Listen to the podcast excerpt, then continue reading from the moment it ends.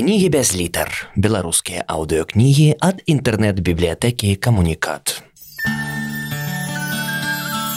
Уладзімир Арлоў Айчына. Маляўнічая гісторыя. Частка другая ад агінскага да Багушевіча чытае аўтар. Аповед 20 нарадавольцы Пасля паўстання каліновскага у беларускіх губернях дзейнічалі асаблівыя жорсткія законы. Цяжэйшым стаў нацыянальны ўціск. Пад забаронай заставалася беларуская мова. На ёй нельга было друкаваць кнігі, газеты і часопісы забаранялася размаўляць у дзяржаўных установах. Расійскія ўлады за ўвесь час гаспадарання на нашай зямлі не дазволілі адчыніць аніводнай беларускай школы. Вы ўжо ведаеце, што з 1840 года забароненай была і назва Беларусь. Невыпадкова якраз яе каліноўцы узялі для свайго паролю. Каланізатарам не ўдалося запалохаць край. На змену ваярам 1863 прыходзілі новыя адважныя людзі. У 1870-е гады у расійскай імперыі набраў сілу рэвалюцыйны рух народніцтва. Многія з гэтых рэвалюцыянераў лічылі, што царызам можна перамагчы, калі пайсці ў народ. Апрануць сялянскае адзенне, хадзіць па вёсках, раздаваць простым людзям кнігі, весці з імі гаворку пра тое, што нельга цярпець уладу цара і яго памагатых. Але сяляне сустракалі такіх хадакоў насцярожана, часта здавалі іх паліцыі тысячи народнікаў і тых, хто ім спачуваў, былі арыштаваныя і засуджаныя на доўгія тэрміны.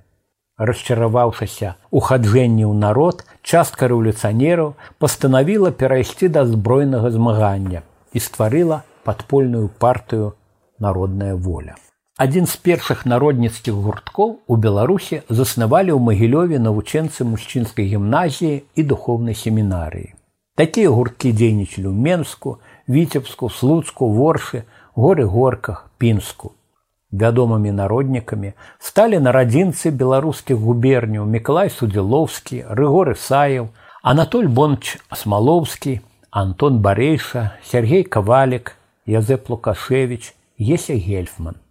Яны прайшлі праз арышты турмы сібірскую катаргу але не гублялі веры ў сваю праўду захоўвалі гонар і годнасць Язэп Лукашевич, які паходзіў з-пад вільні, быў прысуджаны да пажыццёвага зняволення ў страшнай расейскай шлісельбургскай турме. Праз некалькі гадоў вязням дазволілі перадаваць кнігі і Язэп стварыў сапраўдны турэмны універсітэт. Зняволеныя рэвалюцыянеры займаліся геалогіяй і біялогіяй, хіміяй, фізікай, псіхалогіяй і філасофіяй. Шлісельбургскія студэнты захапляліся самаахвярнасцю прафесора Лукашевича калі ў часе лекцыі яму трэба было маляваць геаграфічныя карты або схемы язэп для чорнай фарбы браў куродам з турэмнай сцяны для сіній саскрыбаў паз ногцямі сінюю палоску на сцяне камеры а для чырвонай ужываў уласную кроў. Лада вырашыла выкарыстоўваць навуковыя распрацоўкі вязняў з імі дазволілі звязацца аднаму з пецербургскіх музеяў Лукашевич з таварышамі атрымаў замову скласці калекцыю па батаніцы мінералогіі ды палеанталогіі. Это значыць навуцы пра выкапнёвыя парэшкі раслін і жывёлаў. Калекцыя прызначалася для сусветнай выставы 1889 года ў Парыжы і была адзначаная там залатым медалём. Аднак на выставе ніхто так і не даведаўся імёнаў сапраўдных лаўрэатаў. У арганізацыі беларускіх народнікаў было немало жанчын. Адна з іх мазыранка Еся Гельфман наймала ў Петербурзе кватэру, дзе народавольцы выраблялі бомбы для забойства цара Александра II. Жандары высачылі і схапілі Есю. Маладую жанчыну прысудзілі да смяротнага пакарання на шыбеніцы, Але нарадаволка павінна была нарадзіць дзіця і ў многіх еўрапейскіх краінах разгарнулася змагання за яе жыццё. У Лондоне і Бруселі адбыліся мітынгі ў падтрымку Есі. Цару прыходзілі сотні лістоў з патрабаваннямі захаваць ёй жыццё. Адзін з такіх лістоў напісаў французскі пісьменнік Віктор Гюго. Хадайніцтва памілаваць рэволюцыянерку на імя расійскай імператрыцы падпісала тысяча італьянак. Еўрапейская кампанія в абарону Гесі Гельфман змусіла царскіх суддзяў замяніць смяротную кару вечнай катаргай, ды самой нарадаволцы пра гэта не паведамілі. Да нараджэння дзіцяці заставалася чатыры месяцы. Турэмныя каты не пакідалі дапытваць гесю, марна спрабуючы, вырваць у яе паказанні. Пра замену прысуду сказалі адна перад родамі. У хуткім часе Геся, пазбаўленая дапамогі дактароў памерла. Ненадоўга перажыло маці і несчаснае дзіця. Так распраўляліся з тымі, хто меў адвагу кідаць выклік царызму. Адзін з самых знаных у свеце беларускіх народнікаў магілёвец Мікалай Судзілоўскі, які стаў прэзідэнтам сената гавайскіх астравоў.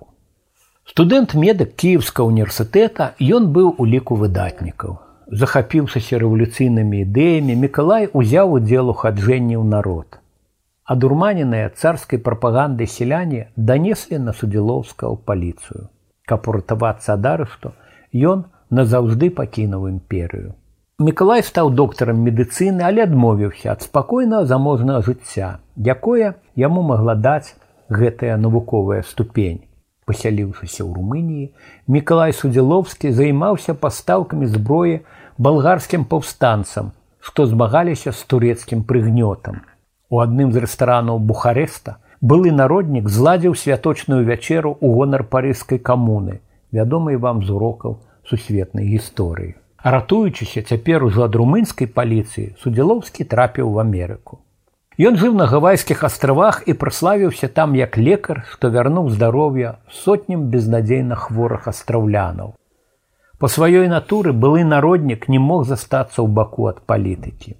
Гаваі імкнуліся да незалежнасці ад ЗША і Миколай Судзіловскі далучыўся да змагароў за свабоду. Ён меў такі вялікі аўтарытэт, што гавайцы абралі яго спачатку сенатарам, а потым і прэзідэнтам сената гавайскіх астравоў.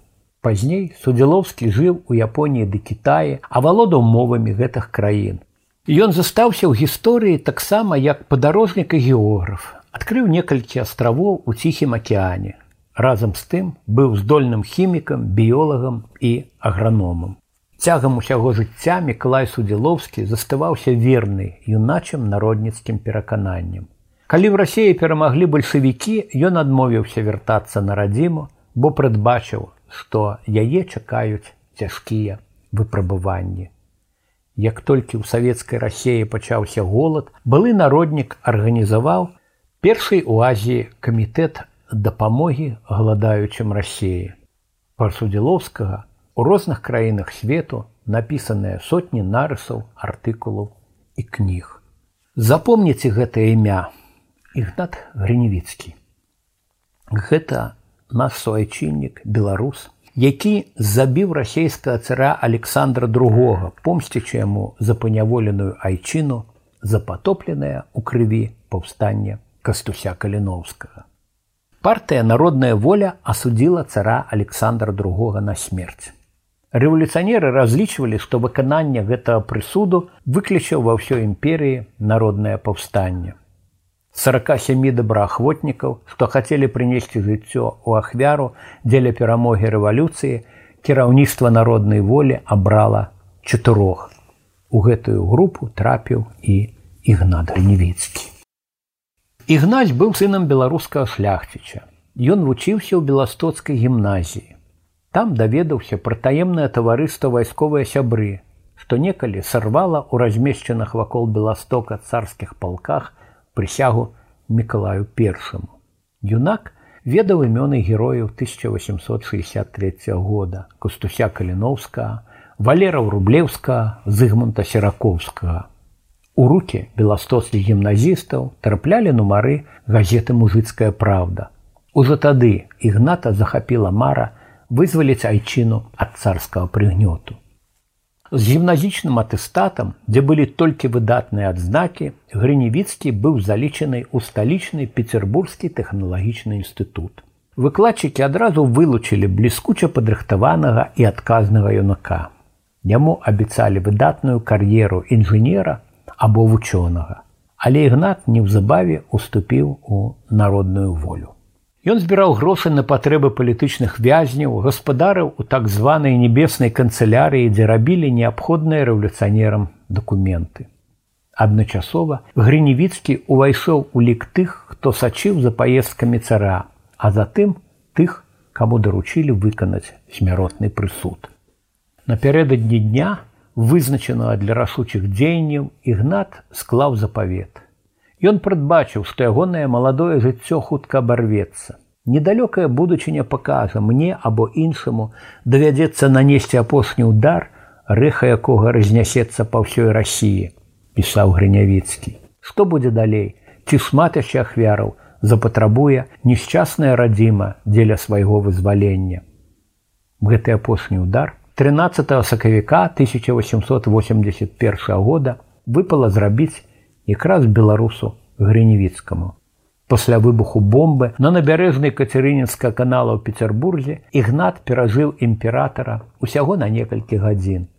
Рэвалюцыянеры памыліліся, ніякіх хваляванняў у народзе забойства цара не выклікала, а палітыка новага ўладара імперыі Александр III і ягоных міністраў стала значна больш жорсткай.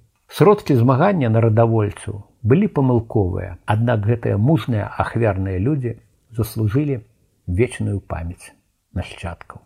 Ігнат Грыневіцкі помсціў цару і за расправу над каліноўцамі і за тое, што была пад забаронай для друку і школы беларуская мова, што нельга было карыстацца самім найменнем Беларусь. У 1884 годзе петербургскія студэнты з Беларусі выдалі два нумары часопіса гоман. Грінвіцкага яны называлі папярэднікам і гарачым аднадумцам.